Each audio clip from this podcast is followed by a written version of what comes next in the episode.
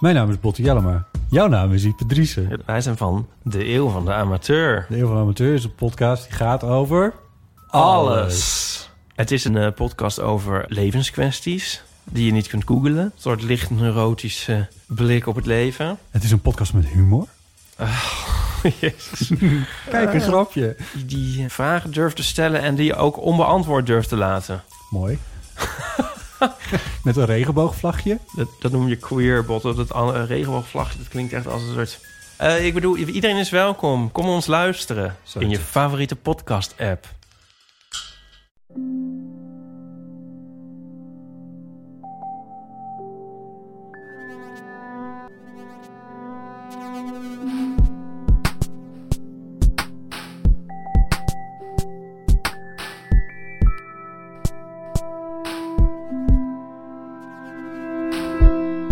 Dit is Relaas, waarin mensen een verhaal vertellen over iets dat ze zelf hebben meegemaakt.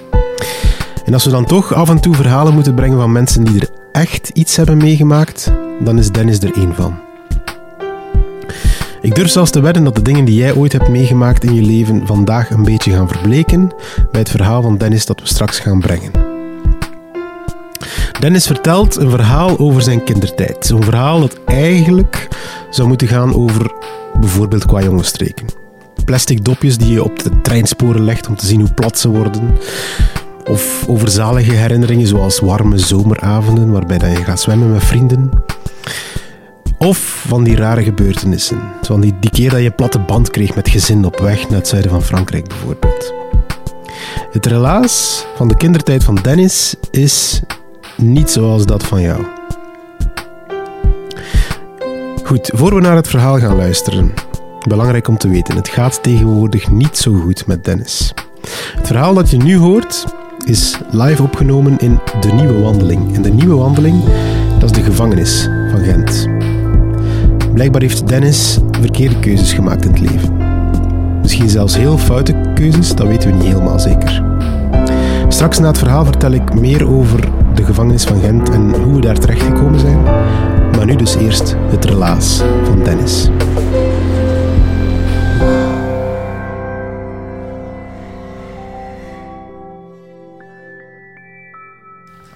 Oba, een jongetje. Mijn lieve oma was getuige van deze woorden die mijn moeder sprak bij haar eerstgeborene. Op 4 juli 1978, bijna een wapenfeit te noemen, werd ik geboren. Geen enkel benul dat deze dag van de onafhankelijkheid mij zo zou schrijven, zoals ik nu jou schrijf. Mijn zusje werd twee jaar later geboren en mijn moeders droom werd verwezenlijkt. Voor dit wezen geen verkleedpartijen meer als meisje. Maar wel, nadat mijn vader ons op driejarige leeftijd had verlaten, een extensief en intensief onderzoek dat twee jaar in beslag nam. Resultaat? ADHD. Vijftien jaar lang zou ik als mantra moeten horen. Er was iets niet goed. Ik was niet goed. Zeker niet normaal. Laat staan handelbaar, laat staan capabel te zijn tot iets wat ik gewoon wou zijn. Een zoon van mijn moeder en mijn vader. Voor mij was het ondertussen al normaal geworden voor het slapen gaan slaag te krijgen. Mijn, vanuit mijn standpunt vond ik het zelfs nobel.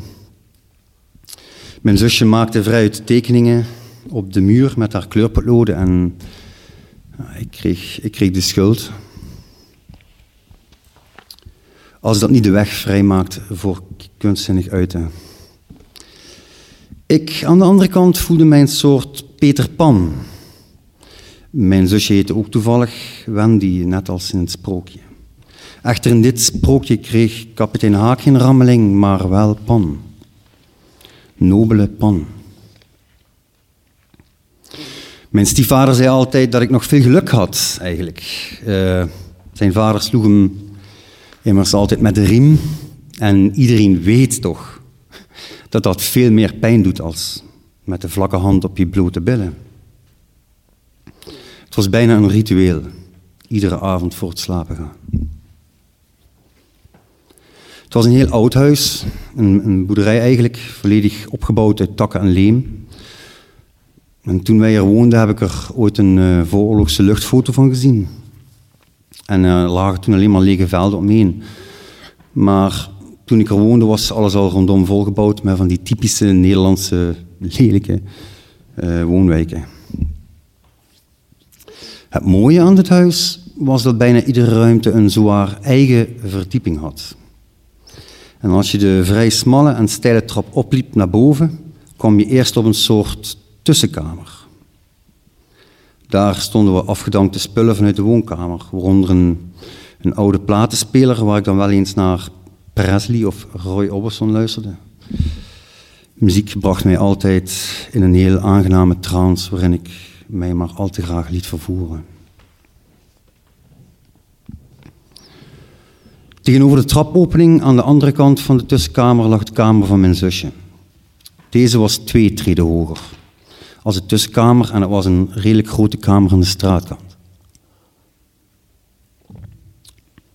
Mijn kamer lag links van de trap en was zes treden hoger. Vanuit mijn dakraam keek ik uit over onze tuin, ingesloten door de wijk die eromheen gebouwd was. Ik denk dat mijn zusje ongeveer vijf jaar geweest zal zijn en ik zeven toen tijd. Vaak als ik niet met slaag naar bed was gestuurd, praten we altijd nog wat. Op de deur onderaan de trap na waren er boven geen deuren die de ruimtes van elkaar afsloten. Dus we konden gewoon praten vanuit ons bed. En dan was er opeens de donder. Ik denk dat hij maar vijf passen nodig had om tot op mijn kamer te geraken. Drie voor de eerste trap en twee voor de bocht en mijn trap. Het was werkelijk bangelijk. De tijd tussen het moment dat de deur openvloog onderaan de trap en het moment dat hij op mijn kamer stond, kon er maar maximaal vijf seconden zijn. Mijn herinnering gaat zelfs zo diep dat ik de deur onderaan de trap hoorde dichtvallen als hij al op mijn kamer stond. In die vijf seconden moest ik zorgen dat ik naast mijn bed stond. Als hij mij recht trok, zou zijn handafdruk blauw-zwart kleuren op mijn arm de komende week. Mijn bureaulamp ging aan en ik bukte mij dan met mijn gezicht naar de muur. Mijn pyjamabroek ging omlaag. En door het lampje zag ik mijn en zijn schaduw op de muur afgetekend. Ironisch eigenlijk, want ik deed dit expres zodat ik kon zien wanneer ik mijn spieren moest aanspannen. Na zo'n pandoering kan ik je zeggen dat de foetushouding inderdaad wat soelaas biedt. Naast deze herinnering bleef er alleen nog maar de stilte over.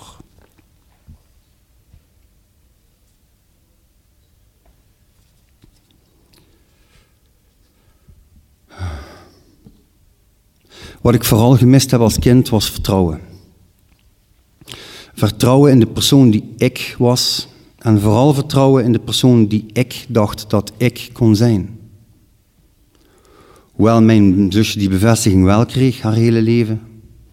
En om met de woorden van mijn moeder te spreken, voordat ik voorgoed uit het ouderlijk nest werd gezet. Nu krijgt ze tenminste de aandacht die ze verdient. Kon ik eindelijk beginnen met de nodige rehabilitatie van mijzelf. Niet mijn ego. Nee. Want bewustzijn van je eigen zelf heeft niks met je ego te maken. Je ego is een instrument van je eigen zelf. Een vaak bedrieglijke camouflage van je eigen pure zelf. Voor mijn moeder werd de situatie thuis simpelweg onhoudbaar. En na enige hysterie belandde ik op straat met enkel de kleren die ik aan had. Na een aantal jaren overleven op straat en de versterking van de zetel van het hart door de weldoenster van weleer, dankjewel mevrouw Paters, zoals ik haar graag noem, was ik vastbesloten. Ik moest en zou terug naar school gaan. Ik wist uit welk hout ik gesneden was. Ik wou mensen helpen, kinderen helpen, ervaringsdeskundige worden.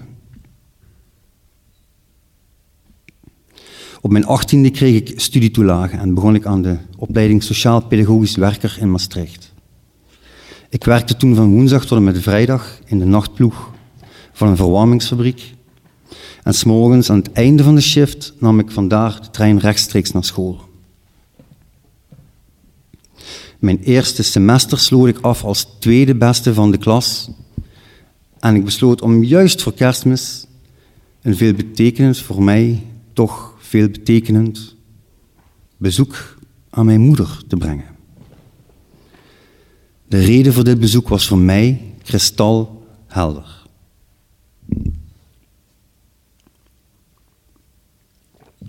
Ik wou gewoon één keer in mijn leven die bevestiging krijgen dat ieder kind verlangt. Horen dat je het goed hebt gedaan en dat ze trots op je zijn.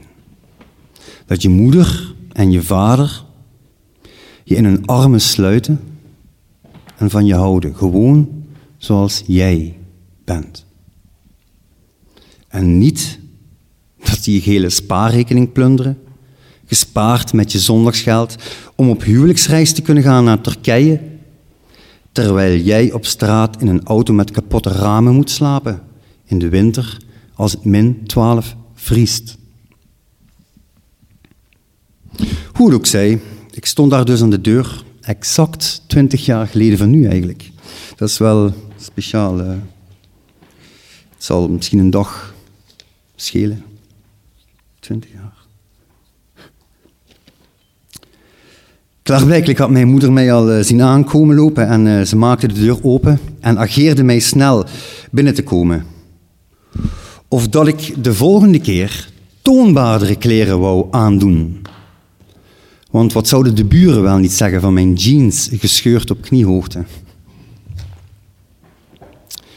Ik kon er moeilijk vertellen dat ik een voorloper zou zijn op de latere modewereld, waar zulke jeans in de, deze toestand nieuw te koop zouden zijn in de winkel. Ze nam plaats in de zetel in de woonkamer en vroeg mij waarom ik was langsgekomen. Ik zei met enige trots in mijn stem dat ik mijn eerste rapport had gekregen. Op bijna plechtige wijze overhandigde ik het haar.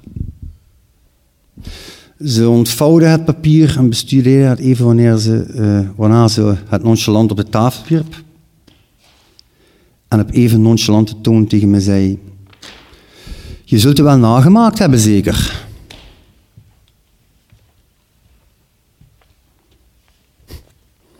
Ze zei nog zoiets van uh, dat ze met kerst weg zouden zijn, maar na kerst mocht ik gerust nog eens langskomen. Na die dag heb ik haar nooit meer gezien of gehoord. Ik zou nooit meer bevestiging van mijn ouders hoeven hebben. En sindsdien heb ik ook nooit meer het gevoel gehad dat ik mij moest bewijzen, voor wie dan ook. En om eerlijk te zijn, heb ik mijn verleden nooit echt meegedragen als een last. Het heeft mij eerder geholpen met wat voor mij de belangrijkste vraag van het leven is. Wie ben ik? Wie ben ik? En daaruit voortvloeiend, wie of wat kan ik zijn voor een ander? Een wijze zei ooit tegen mij dat het pad van het hart het moeilijkste pad is om te bewandelen. En je kunt een ander maar zoveel lief hebben als dat je jezelf lief hebt. Wat dat over mijn moeder zegt, laat ik aan haar over. Maar ik heb haar al heel lang geleden met heel mijn hart kunnen vergeven. Ik heb u lief.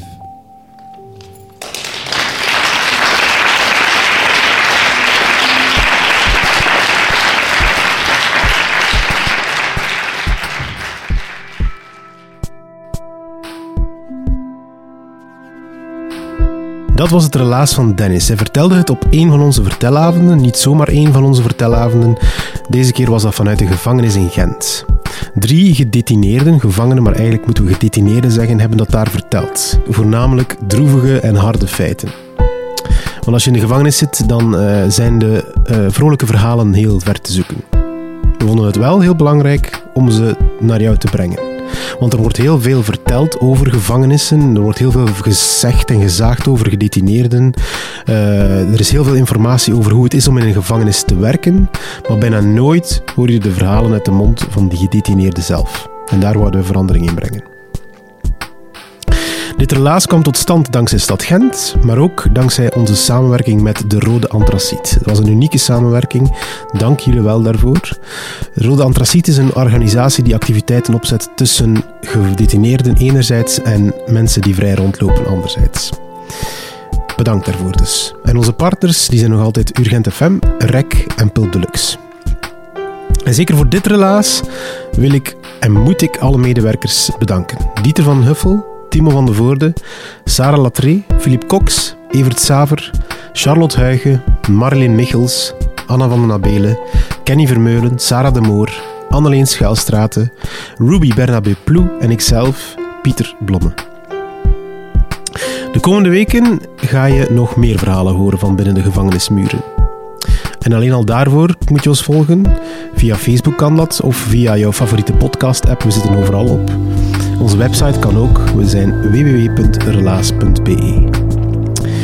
Bedankt om te luisteren. En als je ons echt de max vindt, deel dan onze podcast online.